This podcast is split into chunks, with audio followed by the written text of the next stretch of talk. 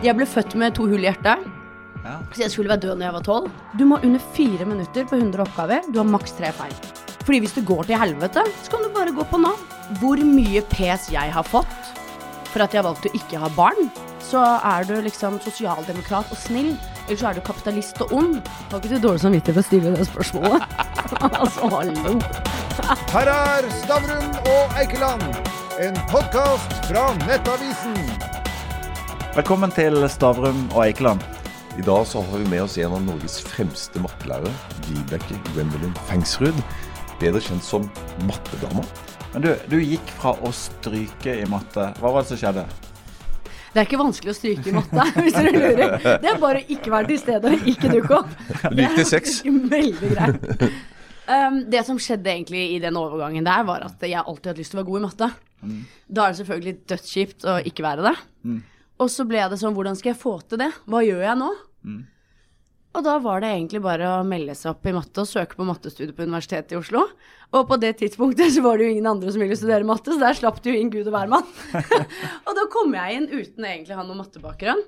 Ehm, jeg syns jo kanskje det var litt i overkant uh, hissig på grøten. Fordi jeg kunne ikke brøk og skulle begynne med kalkulus. så jeg anbefaler jo ikke det til noen. Det blir fortalt at eh, når du kom opp på universitetet, så kom du i en, i en pelskåpe, og så sto det en kar og så på og sa at hun der, hun kommer til å stryke. Er det riktig? Vel, det er noe i den greia var vel at jeg, jeg hadde på meg eh, sånn Gucci boblejakke okay. og en eh, veske. Jeg hadde høye hæler over brostenen på Fredrikkeplassen. Nå skulle jeg studere matematikk. Eh, og da var det selvfølgelig noen som så på det fjolset gående over uh, Fredrikkeplassen og bare Han sa veldig enkel Uh, Hvis jeg noen gang blir sammen noe sånn som det der, så får du slå meg i huet med en gummihammer. Og hvordan gikk det? ja, vi ble sammen, vi da. Men så herlig. Må Men, men, ikke skue hunden på håret hver gang. men, men det er tydelig at uh, du har et talent for matte. Men så gikk det jo til helvete lenge. Altså, hva, hva var det egentlig som gikk galt? Hvorfor funka ikke matte for deg når du var yngre? Uh, enhetsskolen er nok ikke for alle. Og har alltid vært ekstremt uredd autoriteter. Og vært veldig sånn at ja, dere krever at jeg skal ha respekt for deg, ja, da får du ha respekt for meg. Og hvis jeg ikke opplevde det i retur, så var jeg veldig flink til å si ifra. Eh, ved å Ja. Skjelle ut lærerne. Bare 'herregud, skal jeg lære noe av deg?' Du kan det jo ikke sjøl. Eh, ikke få svar på spørsmål eh, som jeg stilte. Jeg syns det var veldig spesielt å prøve å snakke om det amerikanske eh, presidentvalget sånn fjerde-femte klasse, og så kunne ikke læreren noen ting. Og så tenker jeg bare sånn, Det er jo ganske sjukt at en fjerdeklassing kan mer om det enn læreren. Og da mister jeg bare all respekt, og da har du jo tapt meg. Så det var, altså Jeg var ikke så smart som ung, for å være helt ærlig. Jeg ble jo bare rist i egen bak.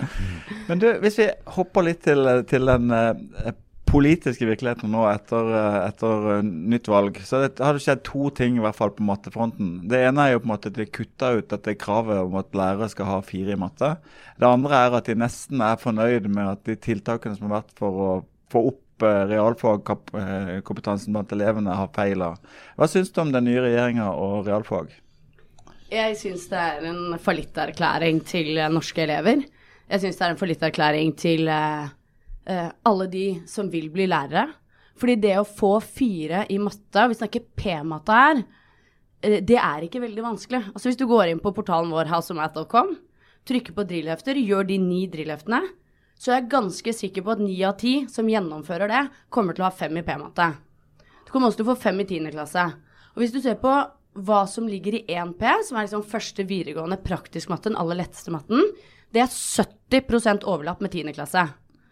Da må vi også vite at tiende klasse har bare nytt pensum på høstsemesteret, som er tre måneder, og andre halvdel i stor grad går til å repetere hele ungdomsskolen for å forberede deg til eksamen. Det gjør at P-matte i stor grad er en repetisjon av 8. og 9. klasse og halve tiende. Så er det noe tillegg.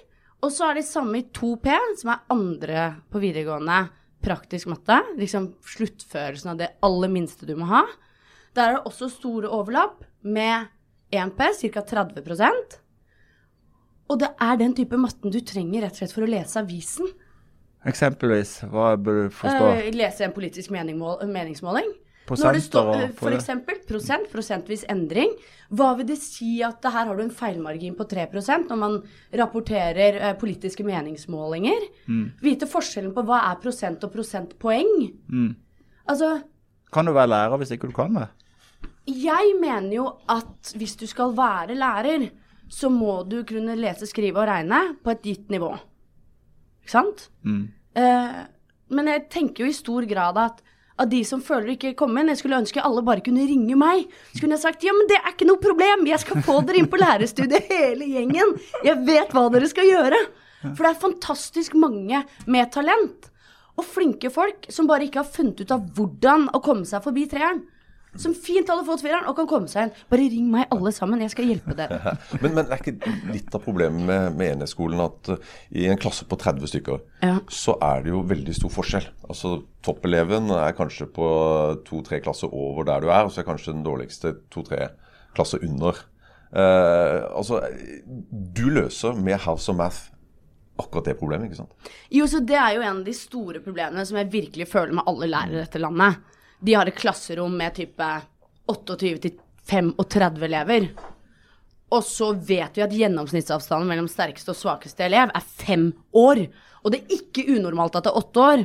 Og så kjefter vi på læreren fordi de klarer ikke å lage et undervisningsopplegg som dekker det spekteret. Lykke til til den som faktisk får til det. Så liksom, vi setter jo En ting er liksom elevene i en situasjon hvor det er dødsvanskelig, men vi setter jo også lærerne i en nesten umulig situasjon til å få til det. Og dette er noe vi ikke snakker veldig mye om heller i den politiske debatten. Noe vi bør. Sånn, Så når man snakker om dette med lærernorm, man snakker om det at du får ikke lov til å ha flere enn så og så mange i en klasse, så har det faktisk noe for seg i forhold til å klare å plukke opp. Er, altså, senest denne uken fikk jeg telefon fra en kommune der du har elev som har krav på uh, tilpasset undervisning, eh, for har lærevansker, så kommunen bare, kommunen bare sagt 'vi har ikke penger, sorry'. Ja, da er denne eleven er forsvunnet, ikke sant? Så det, så det vår på en måte plattform gjør her, er at du kan bare gå inn. Her du tilgang til 1. til 13. klasse hele veien. Mm. Spiller ingen rolle. Vil du gå fort, gå fort. Vil du gå sakte, gå sakte. Og vi krever ikke å vite hvor du er eller hvor du står. Du kan bare gå inn, få det du trenger. Exakt. Og da kan du gå inn på det nivået som passer deg, for det, dette har jo med mestring å gjøre. Yes. Altså Mestrer man ting, da går det mye enklere, og da går det lettere. Og da plutselig så er du, fra å være den dårligste, kan du plutselig bli den beste i klassen. Ja, jeg syns jo det også er litt gøy. Jeg husker fra min egen tid. Jeg ble tatt ut på sånn Vi skulle ha XYZ-gruppa, liksom. brått på den beste gruppa i matte. Men der var det mattelærer som bare snakket sånn mattespråk. Subtraksjon og multiplikasjon og sånn. Jeg bare What show, hva er det du snakker om?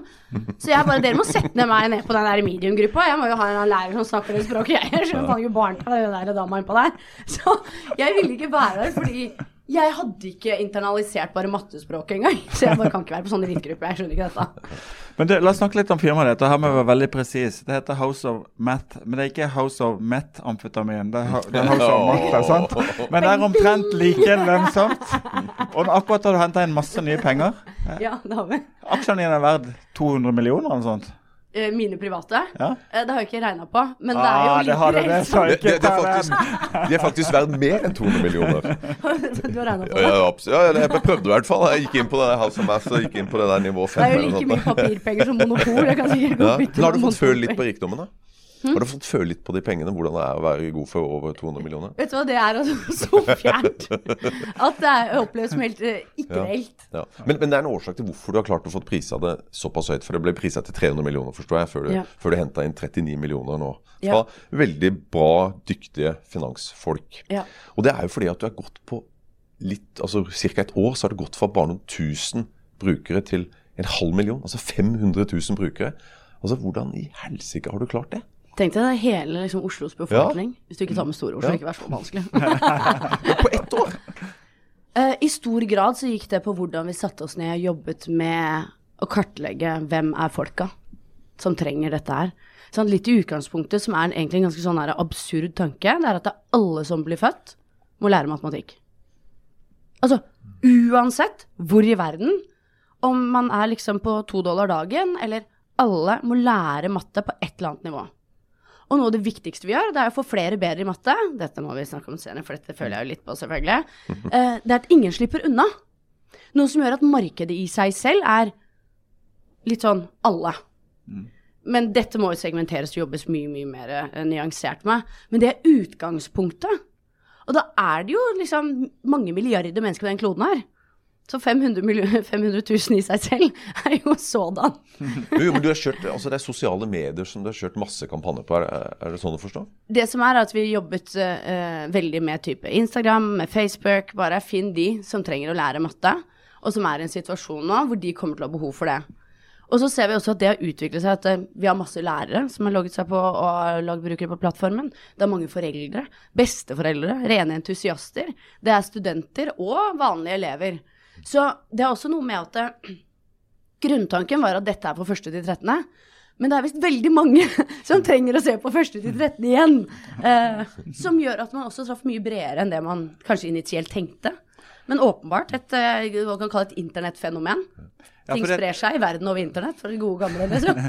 Det, du har jo gått fra å på en måte være privatlærer til å lage en digital plattform for undervisning. Og det gjør på en måte at du slipper å reise til Burundi. Du kan, det holder at de logger seg på eh, tjenesten din. Det er jo en fordel. Ja, det eneste er at du har uh, House of Math, gamle House of Math var jo bare privatundervisning. Mm. Det må fysisk. Og det er jo konsulentvirksomhet til 590 kroner timen. Mm. Det blir jo ikke gull av. Sant? Det er en veldig sånn idealistisk eh, forretningsmodell, da. Kan vi Dårligere betalt en, en rørlegger, tror jeg. Det er helt riktig. Og så skal du allikevel da trenge mye kompetanse i læreren din for å kunne undervise matte og fysikk og kjemi. Så, men dette er noe med at i Norge så er grunntanken at du skal ikke betale for utdanning, alt skal være gratis. Du får inn nye konkurrenter, de prøver å presse priser ned, for det er så synd på alle de som ikke har råd til privatundervisning. Noe som gjør at du egentlig bare kansellerer hele markedet. For det går ikke an å drive butikk så fort du skal gå fra komme deg ut av stua ha, profesjonalisere det, så blir det dritvanskelig med en gang, fordi noen har lagt prispunktet så lavt at det er ikke konkurransedyktig. Det har på en måte eh, kannibalisert seg selv, da. Mens det man gjør nå, det er at selvfølgelig du løfter bort fra det å være en konsulentvirksomhet. Det er det som heter en low touch SAS. Low touch betyr at det er veldig lite menneskelig interaksjon. Uh, og så har du da muligheten til å Det er jo som å bare gå og handle på nett en hvilken som helst del, bare at du skal handle noe som er digitalt. Så du har ikke engang forsendelser eller transportkostnader eller Alt skjer bare over gode, gamle nettet. Så litt av planen vår, da, det er jo ikke det at vi har lagt bort privatundervisningsdelen eller leksehjelpen. Greia er det at eh, vi vil bygge en plattform som er alt du trenger på ett sted. Én bruker for alt du trenger i matte. Uansett om du er på barneskolen, ungdomsskolen, videregående, om du er etter sitter og Det er mange som har spurt meg opp igjennom her, kan du hjelpe meg med prosentregning? De kan f.eks. nå logge seg på der og få hjelp med prosentregninga. Du kan chatte med lærere der inne 24 timer i døgnet. Så sitter det lærere og bemanner en chat. Så når du sitter med uh, leksene dine eller øver til prøve, så kan du bare logge deg på og få hjelp. Du kan også booke privatundervisning, så du får denne faste mentorsituasjonen. Du har hele, alle 13 årene som oppslagsverk, som en søkbar motor. Det er masse oppgaver, og så er jo eh, plattformen ikke helt ferdig ennå. Så det kommer eh, ganske mye kule ting nå i februar og i mars. Men- Gleder meg veldig. Ja, ja, det forstår jeg. Men, men, men foreløpig så den, har den vært gratis, ikke sant? Yep. Ja. Det skal den Eh, være en stund til. Den skal det, ikke sant. Men, men eh, de som nå investerer eh, 39 millioner i det, eh, de skal jo tjene penger eh, på dette. Eh, og Ja. da må jo du også etter hvert begynne å tjene penger. Eh, hvordan skal du gjøre det? Er det bare ren, eh, ren abonnementsinntekt, eller skal det være reklame på dette? Altså, Hvordan skal du tjene penger? Eh, Det er abonnementsinntekter primært sett. Type Netflix-modell. Eh, Legge det på 100 kroner måneden. Det er faktisk en kostnad de aller fleste eh, klarer å avse for å få tilgang til alt du trenger for å mestre matte. Så litt av det jeg syns er sykt sexy med House of Math, det er at du får lov til å jobbe over tre ekstremt viktige akser, og vi ligger i skjæringspunktet, ikke sant? Du får jobbe med et marked og et produkt som har grunnlag for ekstremt gode inntekter. Sant? Du kan få lov til å selge produktet ditt omtrent til alle i verden, mer eller mindre. Det begynner å bli mye, og vi vet at eh, edtech-markedet er jo et trillion dollar market uh, innen få år. Så der har man liksom det som er gøy for investorene, da. eh, Muligheten for ekstrem eh, global kapitalisme. Eh, kjempegøy. Samtidig så driver man med å hjelpe folk med matte. Og hvis du går på Nav og spør jeg skal gjerne ha bunken med alle de som har toppkarakter i matte, og går på dagpenger eller mm. er arbeidsledig, den er ganske tynn. Og det vet vi, for dette sjekket jo Torbjørn Røe Isaksen da han var kunnskapsminister. Den bunken er ganske tynn. Han som ikke kan prosenttrening, by the way. Ja. En fjerdedel og en femtedel. Brøkregning er beinhardt. Men litt av tankene der er jo det at min store bekymring for fremtiden, det er at verden er for de som kan matte. Det er så teknologifisert, det er digitalisert, og alt er myntet på matte. Så det blir sånn De som kan matte, har det, blir et type A-lag. Og så har du de som ikke kan det, som ofte også da andre yrker som lett kan bli automatisert. Dette er mitt store skrekkscenario.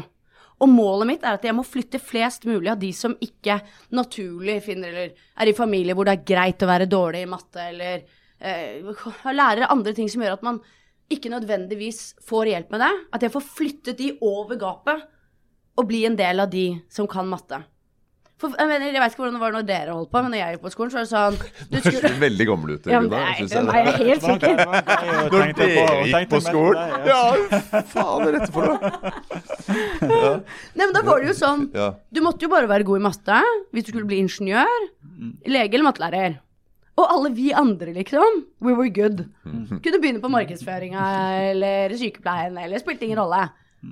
Og nå er det ikke sånn lenger. Nå til- må du ha matte overalt.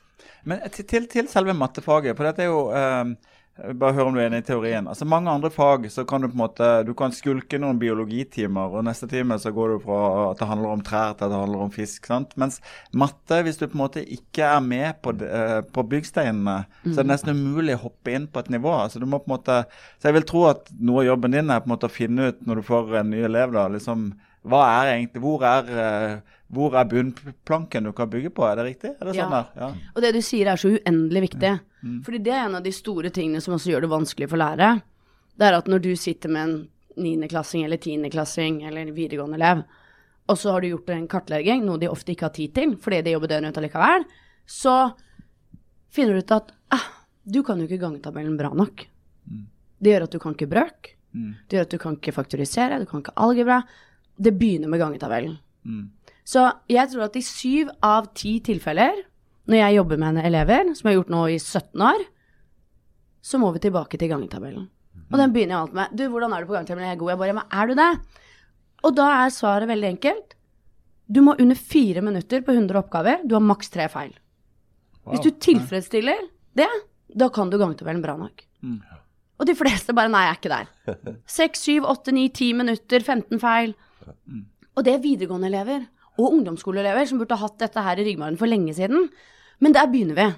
Og noe av problemet er at det er vanskelig å si til en 16-17-åring nå skal vi begynne med fjerdeklassematte, men jeg skal ikke ta luven av deg, og det skal få deg kjempemotivert. Du bare er på nivå med en fjerdeklassing.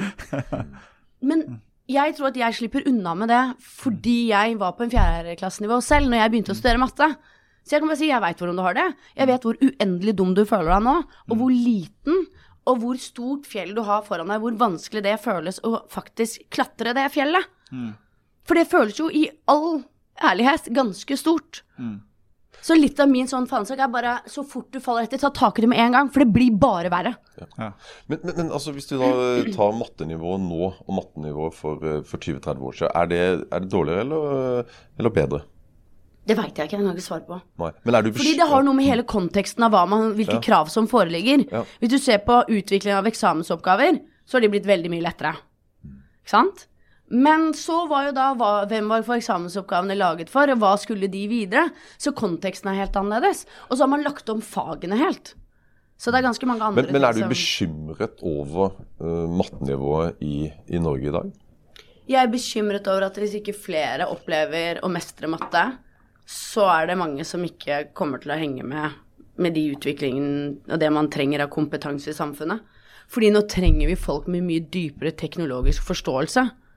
Sant? Hvis du går på markedsføreren, så trenger du faktisk å skjønne ganske mye tall.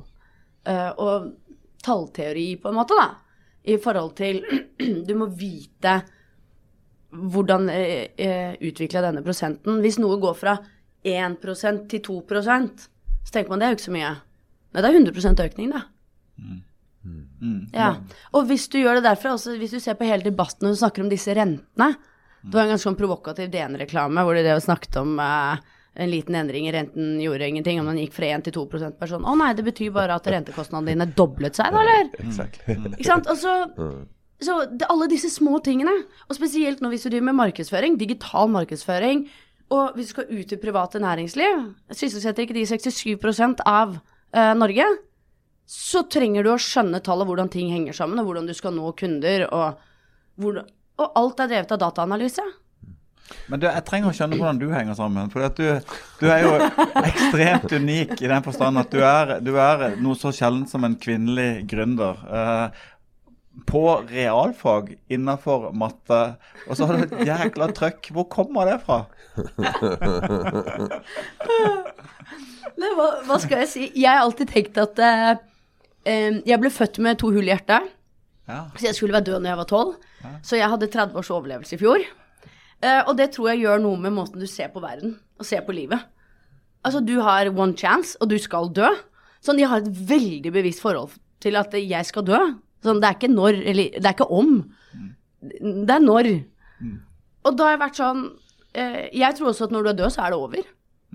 Jeg vet, ikke, jeg vet ikke om jeg tror på noe sjel. Altså, det er bare ferdig pruta. Da slutter hjernen å funke, og sayonara til meg, liksom. Og da tenker jeg at da må jeg gjøre det som skjer nå, det jeg vil, det jeg drømmer om. Som har gjort at jeg velger å ta en del andre valg. Og så har jeg i den prosessen hvor eh, man var veldig syk, og man Så ble jeg aldri særbehandlet av foreldrene mine. De bare Ja, men altså, du har litt dårlige lunger. Skal spille håndball. Ja, men hvis du skal være best, så må du få trene mer, du, da, enn de andre. og jeg elsker den holdningen fra mamma og pappa om at eh, Ja, men de Da må du løpe en ekstra økt i uka, du, da. Hvis du ikke klarer å henge med. Det at det var aldri gitt noen unnskyldninger for 'Å, stakkars lille Gull, er du hjerteoperert? Du skulle dø, du, da.' Det var dumt. De var hele tiden mer sånn utrustet at 'Lille Gullet, du må jobbe hardere, hvis ikke så løper hun fra deg'. Og det er så deilig.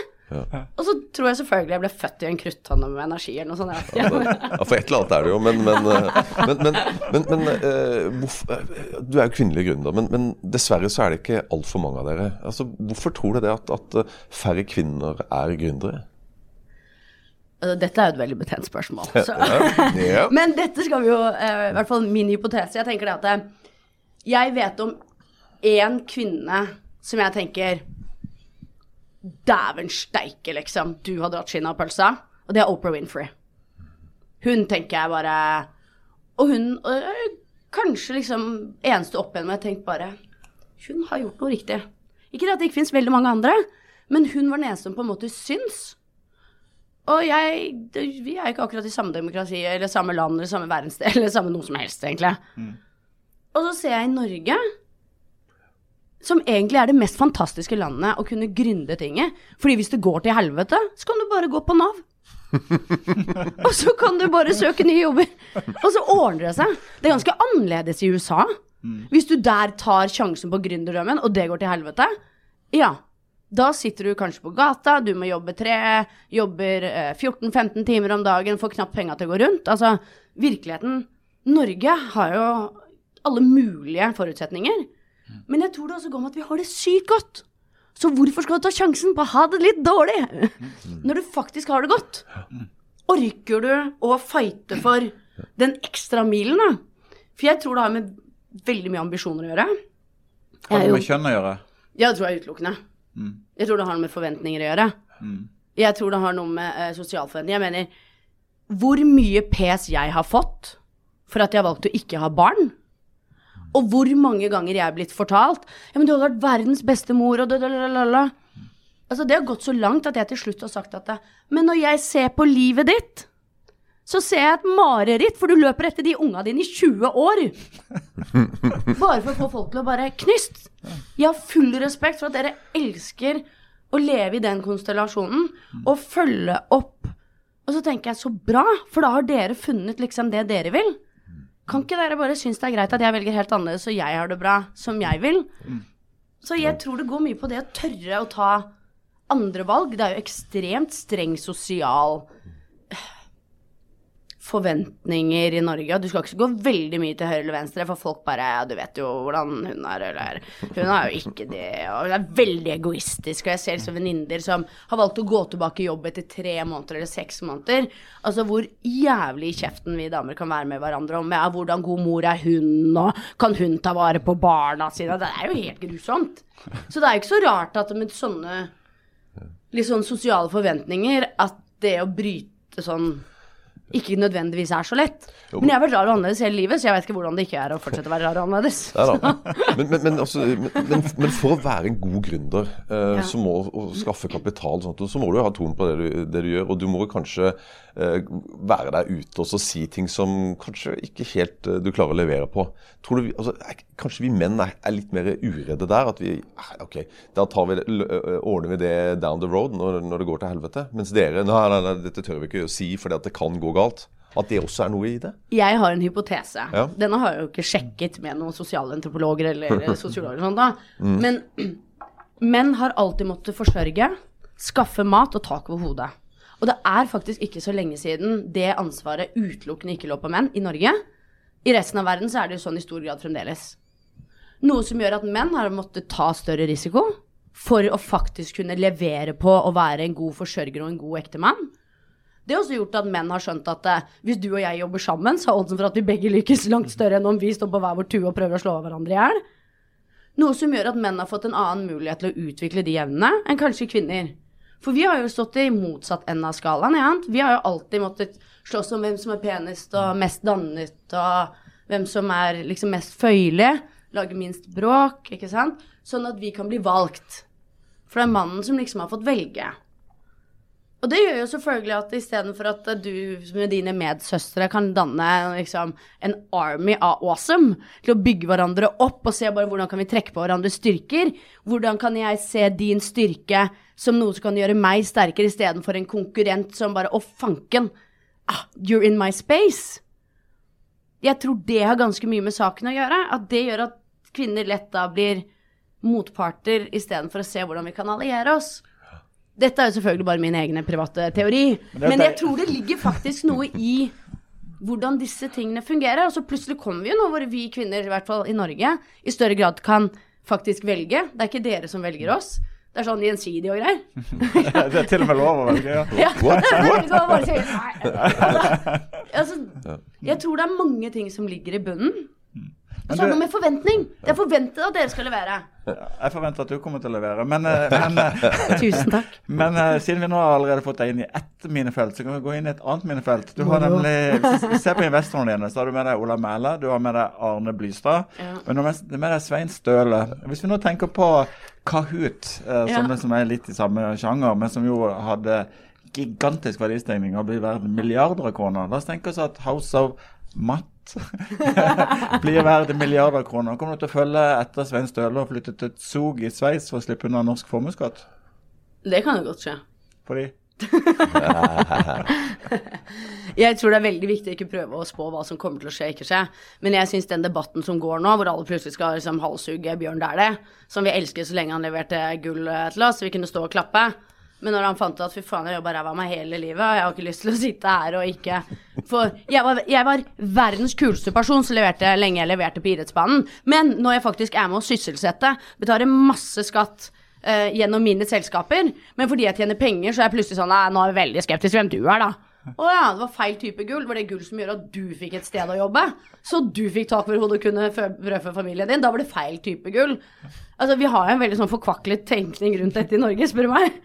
Så, men hvis du ser på dette med konkurransevridning i forhold til hva eh, denne formuesskatten gjør Og det jeg syns var bra, som kom som Bettina Bonon nevnte i sitt intervju, det er at det er mange av de som flytter, nevner at det dreier seg om at de vil jo ikke ha meg her i utgangspunktet. Jeg syns det er spesielt at hver gang det er valg, så ender alt som har med liksom høyre- og venstresiden, egentlig ned til å diskutere personbeskatningen på en gjeng med mennesker du kan putte inn i en høyblokk på Ammerud. Ikke de 5,4 millioner andre menneskene som faktisk bor i dette landet her. Og alt dreier seg om det. Og gud forby om de skulle ha en krone ekstra eller to. Og så sitter man og bare ok, men det er jo de som er med å ta risiko. Det er de som putter alle penga sine inn. Og la oss være helt ærlige, alle de som har tapt penga sine underveis. Det er jo en og annen jeg vil det også, la oss være helt ærlige. Så jeg syns bare at vi Det er utrolig trist at vi har så polarisert eh, debatt som dreier seg om at enten så er du liksom sosialdemokrat og snill, eller så er du kapitalist og ond. Og så glemmer vi det at uh, dette samfunnet går ikke rundt uten penger, og at faktisk noen må sitte og forvalte store verdier for at det er nok penger til å løfte innovasjon, løfte ideer og muligheter. For det er ikke gratis. Så jeg tenker det at i forhold til at folk flytter, jeg dømmer ingen. Det er faktisk ikke Jeg ser jo det gjennom som har drevet med privatundervisning. Altså, jeg er jo i Norge en velferdsprofitør. Altså, dette er e- e- et narrativ vi bruker om folk som skodde seg på tyskerne under andre verdenskrig. Og jeg tror hvis du snakker med de elevene jeg har hjulpet, og familien jeg har hjulpet, jeg tror ikke de nødvendigvis ser på meg som en velferdsprofitør. Jeg tror de tenker å se på meg at fy fader, hun hjalp oss å ta et steg videre. Hun gjorde det mulig for oss å komme inn der. Hun ordner Jeg tror de ser på det helt annerledes, og jeg syns det er utrolig trist at når vi har en skole som det ikke faktisk er plass til andre, og det er så stor spredning, og hvis du ser på min egen skolehistorie, er jo altså så skada at herre gi meg kraft. Så skal man liksom, fordi man søker å finne lærdom og utvikling og det å gå videre i eget liv, og det ikke skjer innenfor boksen, så skal du bli liksom hengt. Det blir så feil, og det er forferdelig trist at vi tenker på den måten. Stat og privat burde gå sammen.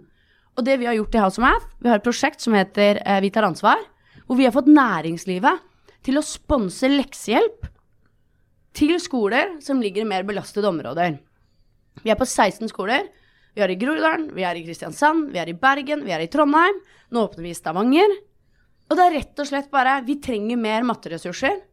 Og så kommer næringslivet inn. Og det som jeg syns er helt kult, det er banebrytende at næringslivspenger slipper inn i skolen. De får ingenting igjen for det. Ikke noe reklame. De får ikke lov til å reklamere mot eh, skolen. Ingenting. Det er penger inn, så kan de bruke det utad på sin måte. Og så plutselig får vi sendt inn ressurser til å løfte realfag. Tette hull. Hjelpe de med matteleksene. Det er jo kjempefint. Hvor fett er det ikke når stat og privat jobber sammen? Nei, Ja. herregud. Men, men men Dette er jo super. Altså, hva skal man si etter? Man blir helt tom her. Men, men eh, det blir som å hoppe etter Wirkola hver gang. Ikke sant? Men, men hvis du ser på, på skolen i dag, så har du eh, blant, Det er jo særlig unge gutter som faller ut eh, av skolen. Eh, og, og hvis vi da ser på at det er veldig, man klager over at det er veldig få kvinnelige ledere. Vil ikke dette bare noe sakte, men sikkert eh, bare endre på seg? For at, eh, faller du ut av skolen, da blir du ikke en uh, ja, Da blir iallfall færre mannlige ledere etter hvert. Du kan bli Jon Fredriksen eller Kjell Inge Røkke. Jo, jo, Det men, men, men hvor mange av de mange av de kan telle de der? Så er det der. Det er to på hvert fall sju millioner mennesker. ja, Det er en Dette er strategi. matten og er det prosentregning her. Nei da. Men, men, men tror de, altså, er vi for flinke, nei, for dårlige til å ta uh, vare på de unge gutta? Jeg syns vi har en skummel utvikling, og jeg syns jo eh, Stoltenberg-utvalget påpekte dette veldig bra. Og sa det at vi er nødt til også å se på hva som skjer med gutta. Eh, vi ser at det er de som lettest faller ut av skolen. Det er de som ikke går videre med høyere utdanning. Det er de som faller ut av høyere utdanning. Men så faller man litt tilbake, i hvert fall min opplevelse er at man faller tilbake på dette narrativet av you know, hvite menn som pusher 50. Som om en gutt på 13 år er hvite menn som pusher 50. Det er fader ikke hans skyld at han ble født i Norge og er 13 år akkurat i år, da. Ikke sant? Men så blir det litt sånn at nei, nå skal vi, nå skal vi ta igjen. Jeg er i utgangspunktet en som ikke tror på å ta igjen hvis vi skal flytte ting fremover. Da hjelper det ikke at nei, nå, for alle årene vi har vært under dere, nå skal vi ta igjen. Jeg tror det er veldig dumt. Jeg vil jo Min drøm er at eh, nå må vi løfte kvinner, og så må vi løfte menn, og så må vi se på hvordan kan vi jobbe sammen. Det er så sjukt mye bra damer der ute. Ditto hvite menn som pusher 50. Hva om vi Ja, jeg tenker egentlig på dere to. Altså, nå ble du dratt inn i 50-års altså, igjen. Det er jo Du ikke lenge siden, det. Jeg er veldig, veldig fornøyd. Men du, vi, vi Nei, men det går jo litt sånn ja. vi må, vi må Jeg syns vi skal ta et steg opp. Vi må få med alle. Det er jo det likestillingen dreier seg om. Vi snakker om at det, hva med den andre 50% av befolkningen? Ja, men det hjelper jo ikke om vi går tilbake og disser de første 50. Da er vi jo like langt igjen, da. Vi må ha med alle. Mye galere. Men du, eh, vi må gå inn for landing, for vi kunne jo snart snakke hele kvelden. Men bare et, et avsluttende spørsmål. Har du ikke dårlig samvittighet for å bli rik på folk som ikke kan regne? Har ikke du dårlig samvittighet for å stille det spørsmålet? altså, hallo. Og du sier å bli rik. Altså, den tanken er så langt unna huet mitt. Det er min Ja. Det er så langt unna. Det som jeg tenker bare, Hvor fett er det ikke at jeg kan få lov til å hjelpe millioner av mennesker, som er alle de andre eh, ansatte i House of Man, på å bli bedre i matte? Det er jaggu en gave å gå i grava med, ass. Du fikk Stavrum og Eikeland, en podkast fra Nettavisen.